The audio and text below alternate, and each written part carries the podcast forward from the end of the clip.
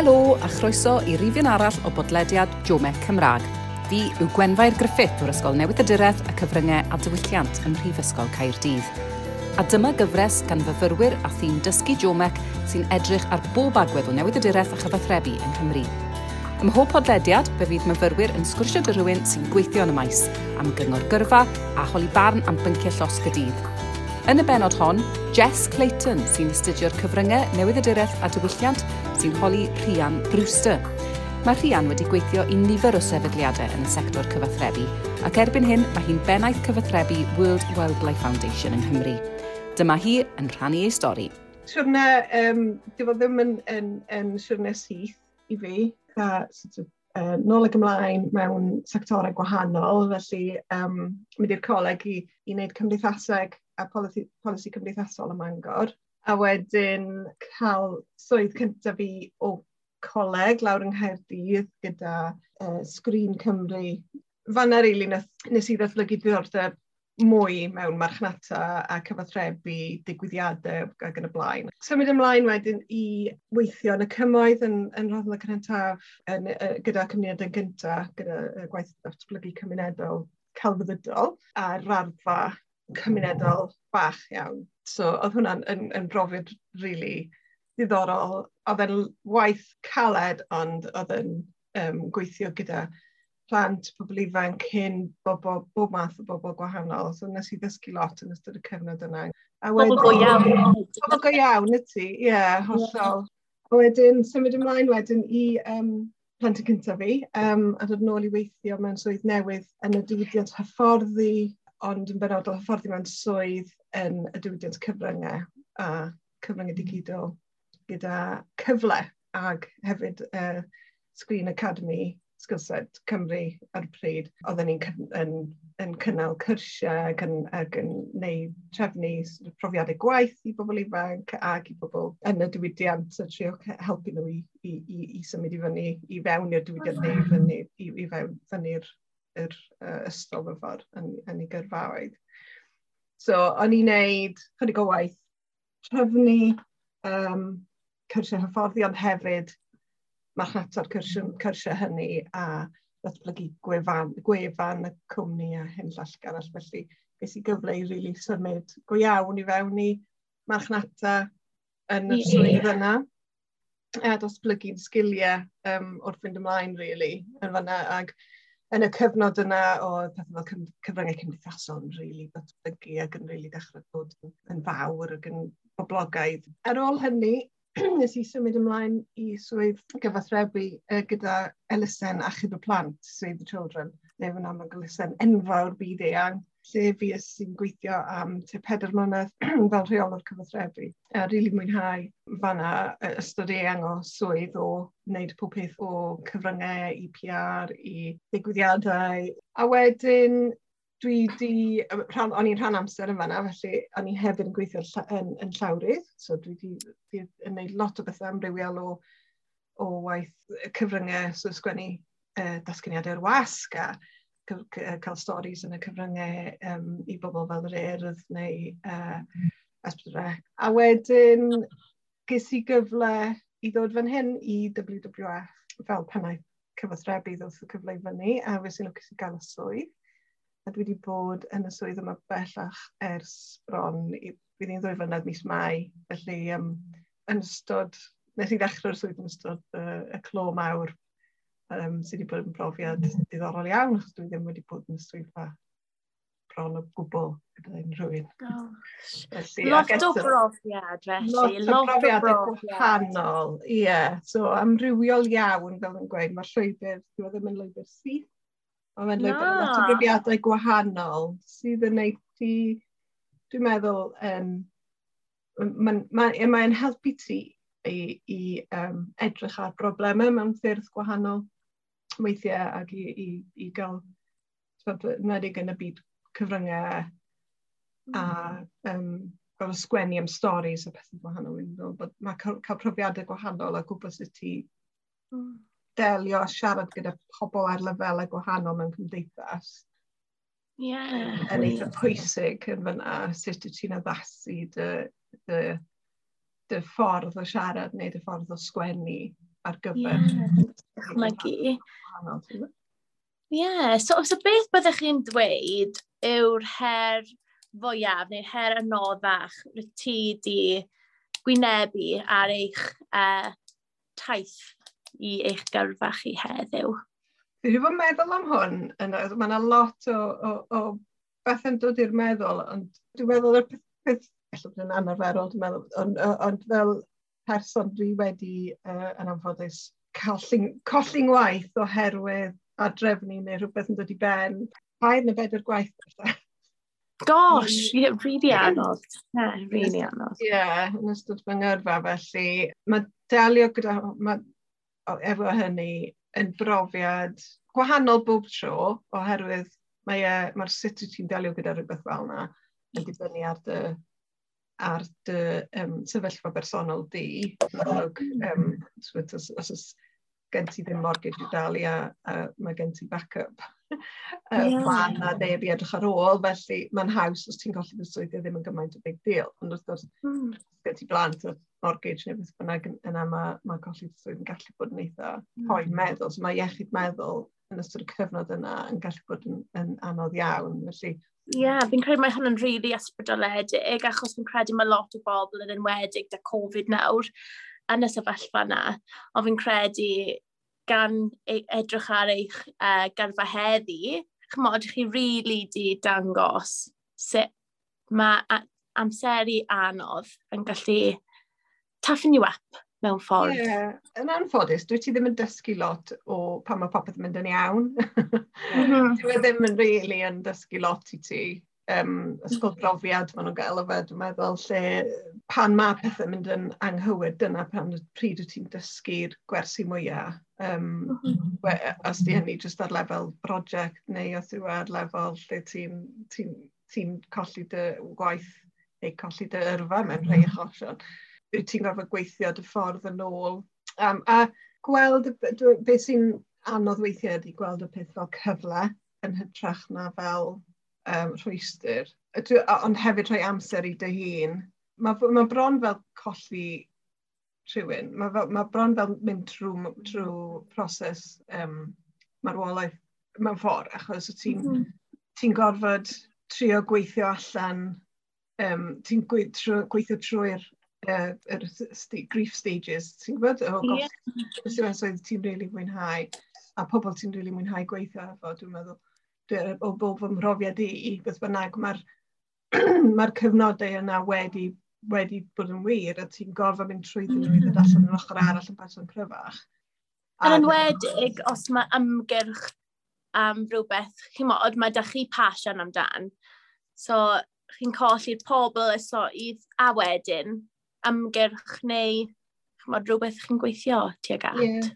yndi, yndi, a mae'n ma anodd iawn. Ond Wy ti yn dod allan y pen arall a ti yn dod allan yn berson cryfach sydd wedi dysgu a sydd yn gallu, os wyt ti'n gallu wneud hynna, mi wyt ti'n dod allan mm. yn berson cryfach yn y pen draw, dwi'n meddwl. Ie, yeah, wir. A mae gen ti fwy gynnig a, a, i gymryd pob cyfle sy'n sy dod at y ti a'n, an cymryd y knockbacks fel cyfle i ddysgu. Ond ar, y, ar y topic o fel um, heriau, ydych chi wedi ffeindio fod cyfryngau marchnata digidol di bod yn her o gobl o fewn eich gyrfa? Y datblygiad o'r cyfryngau a marchnata digidol? Mae fe wedi bod yn her, mae fe dal yn her, mae pethau mm -hmm. newid mor gyflym.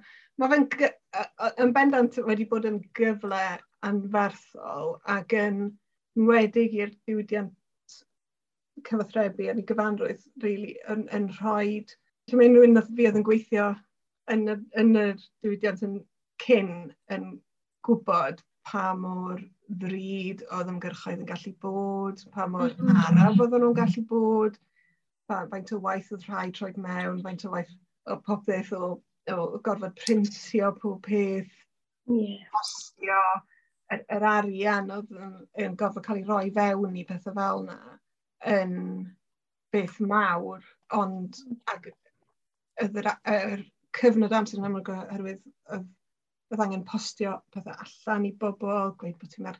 Gweud bod ti'n marchnata digwyddiad. Mae'r wrth gwrs o rhaid gweithio mm. nôl, rhaid faint amser mae hyn yn mynd i gymryd i fynd allan i'r A wedyn faint amser mae'n mynd i gymryd iddyn nhw bostio pethau nôl at y ti, neu ffonio, wedyn wrth gwrs oedd angen mwy o staff ar gyfer mm -hmm. uh, galwad y ffôn ac ati. Felly mae'r ma, ma newidiadau wedi dod mor gyflym dros y blynyddoedd. Pan nes i ddechrau gyda sgrin, oedd y pimp mlynedd yn ôl, bellach, oedd gyda ni un cyfrifiadur yn y swyddfa ac dyna ni. Nath hynna newid yn gyflym. Yn gallu dychmygu. O fewn cwpl o flynyddoedd, oedd pawb ar y we ac oedd gyda ni wefan um, ac oedd wedyn datblygu wrth gwrs uh, o hynny mlaen, cyfryngau cymdeithasol, mae hynna... Mae'r cyfleoedd drwy cyfryngau cymdeithasol, dwi'n cofio cael cwrs ar cyfryngau cymdeithasol, beth oedd means fel yna. Nôl yn um, pryd oedd e, uh, tua 2004 falle, neu cyn yn ni, just cyn yn ni. Ag, um, gymaint o bobl o ddim yn gwybod be oedd e a be oedd mm. potential. Um, a fi, dwi'n meddwl bod yna lot o, o, o, o bethau da di dod allan o'r holl yr, yr ffrwydrad huge yeah. yma. Um, ond yna mae yna lot o bethau gwael wedi dod hefyd oherwydd ti'n yn gallu cael getwydd fe unrhyw beth. Bellach. Na. Um, mae mas na nawr. Os mae ar, os mae ar ddim, mae mas na. Ydy. Ydy. Ac os ti'n edrych beth yn anghywir, ti'n gwybod o fewn 5 munud bod ti wedi gwneud yn anghywir, achos mae'r hmm. Twitter wedi mynd yn nuts. neu, um, neu os ti'n meddwl ti ddim wedi gwneud rhywbeth yn anghywir, a mae rhywun yn meddwl bod ti wedi, a dyn ni wedi cael, dyn ni wedi cael, wedi cael hynna dros blynyddoedd lle ti'n ti, ti cael dy dargedu fel diolch beth ddim yn bersonol, ond fel y sefydliad, neu mae rhywun yn defnyddio adroddiad o ti wedi i greu, neu mae rhywun o fewn y sefydliad wedi greu, ac maen nhw'n yn cam defnyddio. Ah, cael Okay. Ne, so tynnu peth allan o, allan o context. Ti'n gallu bod yn rhyglus i, i chi ma oeddi? Wel, mi, mi, na, mi oedd yr un cyfnod nath ni yn achub y plant gyda ni ddigwyddiad lle oedd rhywun yn trio honni bod ni yn, bod ni yn erbyn er, addysg Gymraeg. Oh. Paid o gofyn, ond oedd yna adroddiad. Oedd yna adroddiad o oedd yn bersnas oedd yn hen, ond hefyd uh, wedi cael ei sgwennu ar gyfer uh, gwlad, gwlad arall gallu fwrdd. Uh mhm. -huh. uh, ac dyma rhywun yn penderfynu bod hwn, mae'n debyg yn berthnasol i, Gymru, i, i Gymru, Gymru. A, ar iaith Saesneg yng Nghymru, ar iaith Gymraeg yng Nghymru. Felly, um, yr wythnos yna, a na, nath i gymryd tua gwrdd pethefnos i mi droi pethau ddelio gyda'r holl beth. So mae popeth arall ti'n neud wedyn yn gorfod cael ei ollon, a ti'n gorfod canolbwyntio ar wneud mm. rhaid, mae rhaid i safio hwn allan. A diolch beth, mi oedd gynnu ni'r gwaith cefndirol i allu bac yn hynny'n i fyny efo hwn, so a gallu troi peth around i ni, ond gallai hwnna wedi cael effaith mawr ar yeah, um, yr, yr, holl beth, y reputation y reputational risk.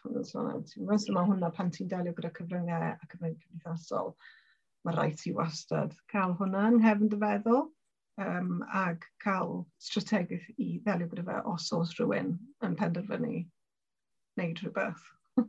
Ie, yeah, so mae'n gallu bod yn rhoestr, mae'n gallu bod yn rhoestr. Ond un i fi yn personol, fi'n gallu gweld faint mor, um, chi mod, peth da mae cymdeithasau um, ar-lein y digidon gallu bod, yn enwedig da eich murlun um, ar y laian um, yn dod o'r Rhondda, Lion yw, uh, chi'n modd, tafarn local fi. So pan ni'n gweld ymgyrch amgylcheddol mor agos i cartref, oedd e'n gret, chi'n modd, oedd e dros Facebook i gyd, o ffrindiau fi, mama ni, oedd pawb yn, yn, yn, yn share, like, tweet, chi'n modd. Yeah. So, ydych chi'n gallu sôn bach mwy am yr amgylch yna? Sut, sut doth y daith hwnna i, um, i fod gyda Ysgol Gynradd Gymraeg yn Ysgol? Oedd hwnna yn, yn anhygoel. Oedd y cynllun yn yn lot gwell na fi. Ni wedi obeithio beth fyr. Ne, nath o ddechrau gyda... Oedd ni...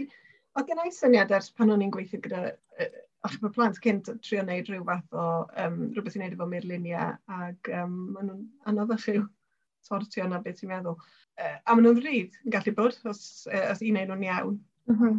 Felly, nes i uh, gael cyfle a chydig o gyllideb i allu wneud rhywbeth. Ond be o'n i eisiau wneud oedd ddim, ddim jyst creu y er mwyn mm -hmm. creu nhw. Mi oedd gyda ni uh, cwpl ymgyrchoedd fel WWF Cymru ar y pryd yn dod i fyny. Um, felly oedd etholiad yr er Senedd yn dod i fyny yn ystod y flwyddyn ac oedd gyda ni hefyd um, awr ddear yn cael ei gynnal bob blwyddyn ar ddiwedd mis mawr. Ddim ni eisiau rhywbeth, rhywbeth i dyn ni sylw at hynny, ond hefyd mae un o'n prif ffocuses ni uh, yw gweithio gyda pobl ifanc um, a phlant a, a trio codi lleisio nhw ymysg yn, yn gyffredinol ond hefyd uh, gyda um, gyda'r um, y gwleidyddion a pobl sy'n neud, neud penderfyniadau pwysig. Felly, a, a, ond hefyd oedden ni eisiau codi profil a dangos i bobl Cymru a Cymru Cymraeg hefyd bod ni'n berthnasol yeah. yng Nghymru a bod ni'n gweithio yng Nghymru mm -hmm. fel elusen, achos da ni ddim yn gwneud lot o waith. Da ni ddim yn gwneud lot o waith gadi arian yr, yr enghraifft yng Nghymru, achos gyda ni ddim fel llefydd prosiectau fel y cyfryw uh, mawr on the ground fel petai yng Nghymru. So mae'n ein oedden yeah. chi fod yn fwy gweledol. Felly mae cyfryngau cymdeithasol yn dod o'i hynny wedi really helpu gyda hynna. So ie, yeah, dachrau sgwrs gyda, um, wedyn ni ddod o'r afon Gymraeg i fewn, dachrau sgwrs gyda Llyfrynyddiaeth Cymru. Um, so mae dyna'r partneriad i fewn i rhywbeth fel hyn yn really bwysig er mwyn um, wneud y peth yn, yn, yn fel prosiect mwy genuine sydd um, cydweithio.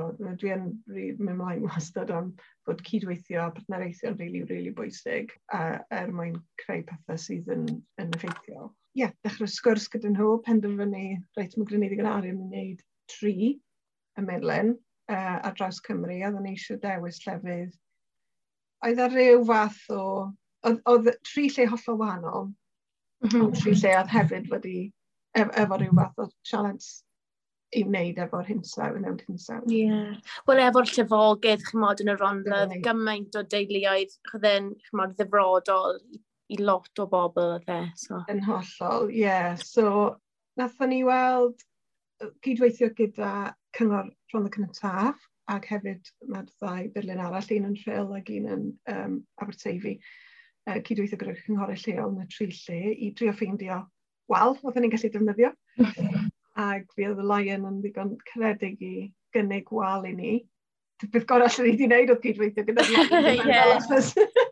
ni. Ti'n gallu cyfri ar y rondda, cael message spread y fe, mod ar, ar Facebook. A ddwn yn rhyw fath o um, gamgymeriad hapus, o maen nhw'n gweud. A cydweithio gyda rhywun fel y Lion, oedd sydd gyda, gyda um, cyfryngau cymdeithasol mor eang um, a rhywun sy'n rhedeg y lle sydd yn fel canolbwynt i'r treorci, really, yn dydy? Ie, yeah, ie. So, ond oedd cydweithio gyda ysgolion yn rili really bwysig i ni hefyd, felly drwy mm -hmm. Plant Cymru, drwy Llenyddiaeth Cymru, a cynllun bardd Plant Cymru, nathon ni, um, nathon ni wneud hynny gallu cydweithio gyda'r ysgol gynrodd ym mhob ardal fel bod yr ardal leol biar darlun a biar mhm. geiriau oedd wedi fod yn y darlun ac yn, yn y gerdd oedd ar y darlun. So, Mae'r bydd oedd allan o hynny, gwir y gwir, nath yr ymgyrch yna nath o ddechrau yn y rondda, so hwnna ddyn ni'n cyntaf. Mm -hmm. A ddyn ni wedi trio dal yn ôl, dal yn ôl chydig bach ar uh, gyhoeddi'r peth, ond yeah. uh, ym ôl i'r cyfryngau cymdeithasol ac risk assessment, nath ni'n cweit sylweddoli pa mor gyflym bydd y pethau mynd allan bydde'r bydde stori yn mynd allan.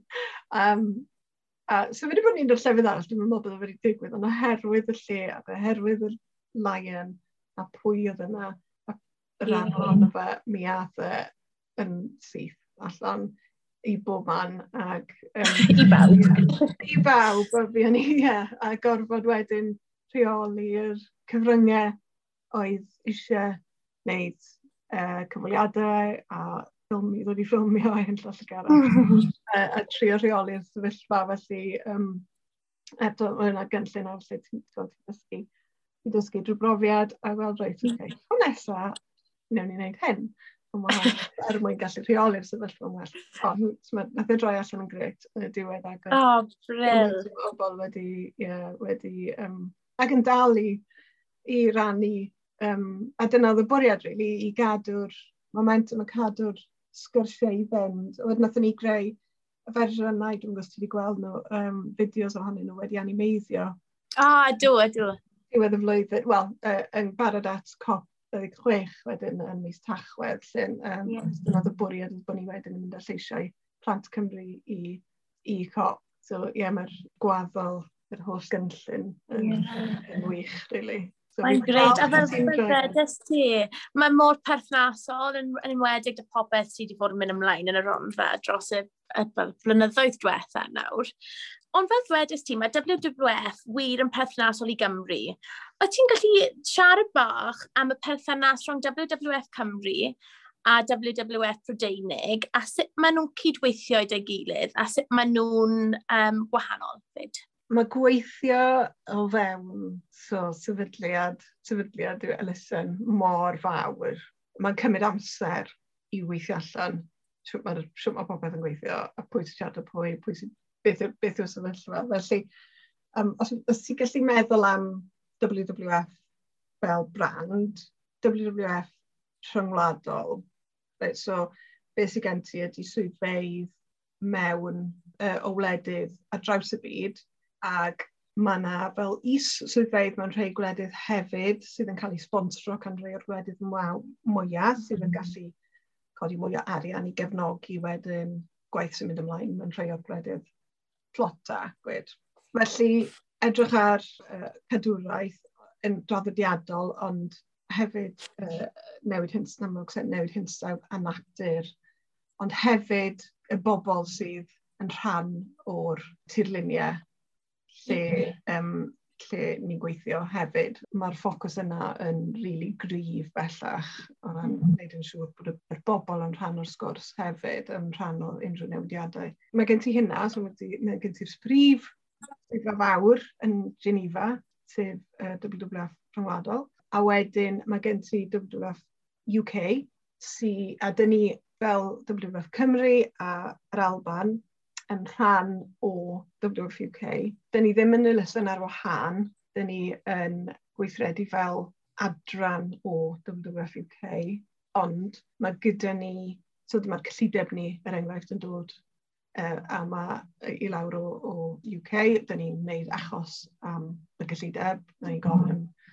reit fyddwn ni angen hyn a hyn dros y flwyddyn nesaf, um, a dyn ni'n debygol o fod angen hyn a hyn dros y dair mlynedd nesaf, a wedyn yeah. mae'r ma sut maen nhw'n wedyn yn helpu ni i, yn, yn dweud, ie, yeah, okay, fine, neu na, na chi feddwl.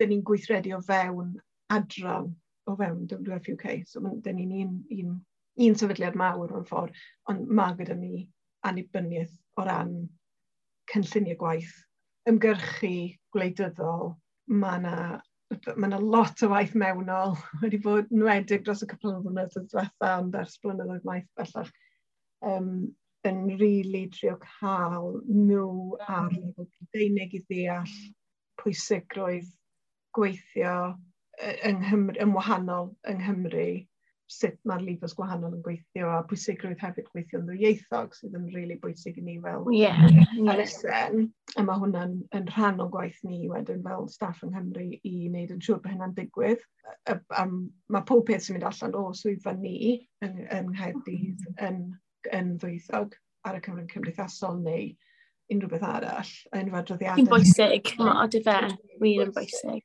Ydy, yn wir yn bwysig.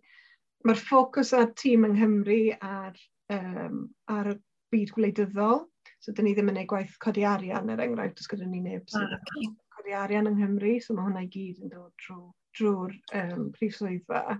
Felly, mae, ond dyn ni fel tîm cyfathrebu yn gorfod trio dylanwadu chydig ar, ar y tîm codi arian i, i, i wneud yn siŵr bod nhw yn sylweddoli bod actually bydde creu hwn yn ddwyieithog yn really, really sylweddol weithiau.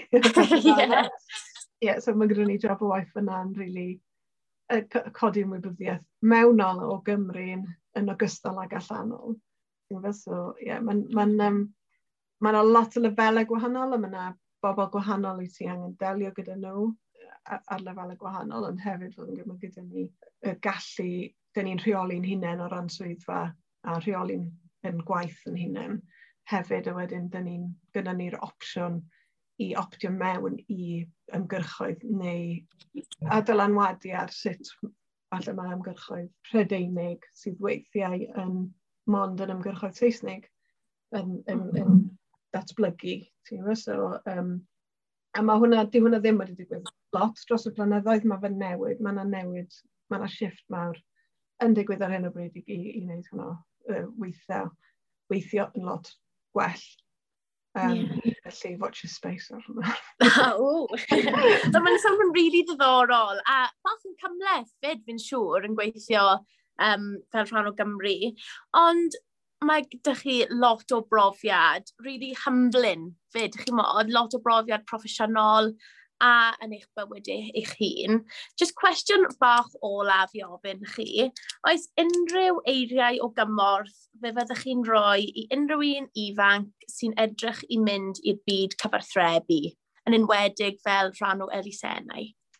Beth bydd eich kind of star advice fel Byddwn ni yn dweud bod, os nad ydych chi'n tîm ifanc, bod um, gwirfoddoli uh, yn syniad da, yn enwedig os, gen, os dwi ti ddim Wel, yn ddwy ffordd, actually. Os ti, ti ddim yn siŵr am beth wyt ti eisiau gwneud, trio lot o bethau allan. A ni, do'n ni'n gwybod beth eisiau gwneud, O gwbl.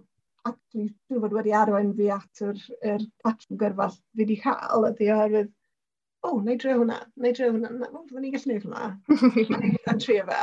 Ti'n sort of bach o jack of all trades, ond wedyn ti'n dysgu wedyn hefyd byw ti'n mwynhau wneud a bwy ti ddim yn mwynhau wneud. A wedyn wrth i ti fynd ymlaen, ti'n gallu really ffocysio mewn ar pethau falle lle mae dy sgiliau di'n gryfach a wyt ti'n mwynhau wneud. A dyna beth, dwi'n meddwl, sy'n ni'n gweud sy'n bwysig ydy mwynhau Ac os oes ti'n mwynhau dy swydd, neu di ddim wneud hi'n dda, byddi di no. byddi di ddim yn wneud, mynd i dy potensial, llawn potensial di, ond hefyd y, y swydd. Felly, trio pethau allan, trio pethau gwahanol allan a gweld lle yw ti, a peidio, ddim eisiau brysio i ffocws o fewn ar unrhyw beth chwaith. Um, Mae digon o mm. amser i wneud hynny ac i drio just falle dweud ie yeah, i bethau ti fas i'r comfort zone. Mm -hmm. Os ddim yn mhm. gweithio allan, dyw e ddim yn ddiwedd y byd. A ti di symud oh. ymlaen i beth na arall, ond ti di dysgu o'r profiad yna. Di, um, mm. yeah. Brilliant. Oh, briliant, Brian. Mae wedi bod yn lyflu a rili really diddorol yn clywed o'ch chi heddiw. Diolch eto am siarad efo fi. A dyna Jess Clayton yn holi Rhian Brewster. Os oes diddordeb dych chi glywed am ragor o erfaon ym maes y cyfryngau yng Nghymru, mae nifer o bodlediadau difyr yng ngweddill y gyfres gan Jome Cymraeg. Gallwch chi hefyd dan ysgrifio i gael gwybod pan fydd y nesaf yn cael ei ryddhau. Diolch yn fawr am rando!